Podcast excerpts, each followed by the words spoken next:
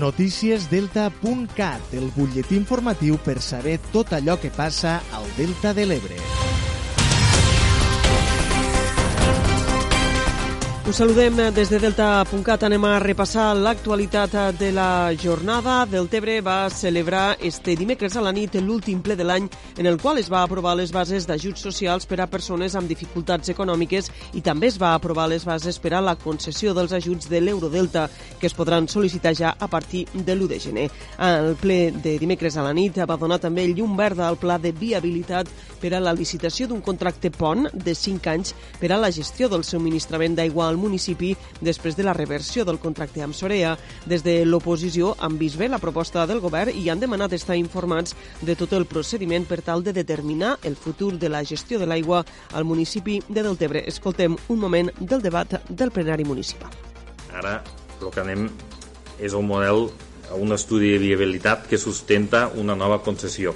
Les concessions que s'han tret en aquest Ajuntament són 25, 30 anys, eh, i tenim una de l'aigua pues, que de l'any 84 fins al 2037, pues, imagina si són anys. Ara anem a un model de concessió de 5 anys.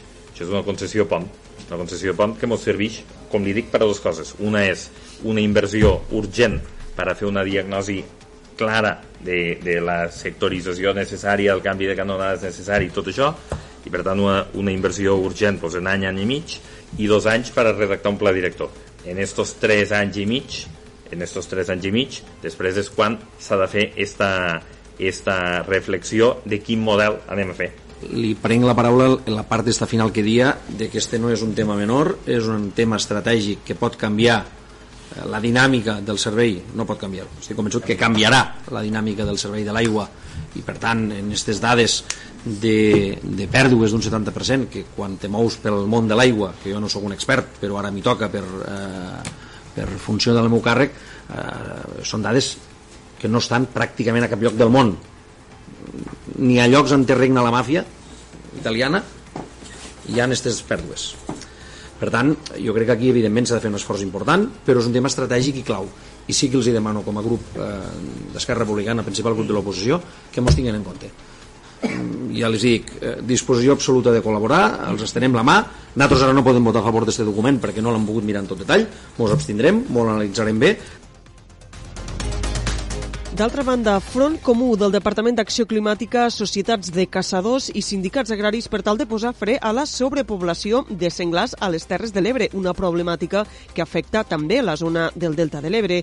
La Generalitat ja ha engegat un pla de xoc per fer un control dels danys que han provocat estos animals i poder prevenir-ne de nous. La problemàtica s'ha accentuat en els darrers mesos a causa de les altes temperatures. Ens ho explica el company Dani Camacho. En les darreres setmanes ja s'han reunit tots els agents implicats per intentar posar fre a la sobrepoblació de senglars. El pla de xoc pretén reduir les poblacions i els efectes que produeixen a les Terres de l'Ebre per arribar a controlar-los. En els darrers mesos, la presència d'estos animals s'ha multiplicat al sud de Catalunya.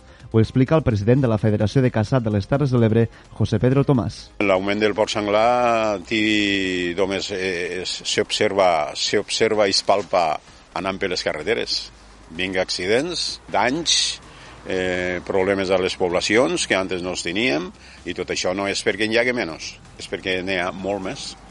A més, tiene, afegint un problema de que el porc senglar ha tingut, té una habilitat d'adaptació impressionant el Departament d'Acció Climàtica potenciarà accions com les gàbies individuals i les gàbies trampa per atrapar porcs senglars en llocs que presenten dificultat per dur a terme batudes. També s'aplicaran plans específics en àrees concretes per actuar de manera preventiva i que els animals no causin danys dins de les ciutats o als camps. Els senglars ja són responsables de pèrdues a camps agrícoles com a les oliveres o als arrossars.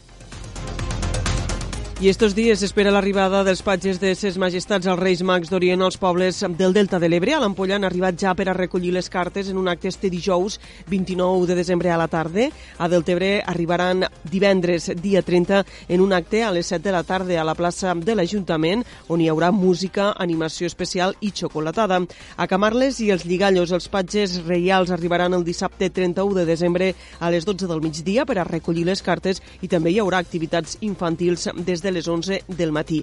Finalment, a Sant Jaume d'Enveja, l'arribada dels patges reials serà diumenge 1 de gener.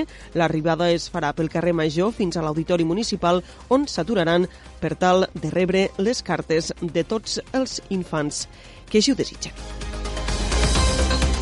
Així acabem. Ja saben, com sempre, que poden continuar informats a través del portal deltacat.cat.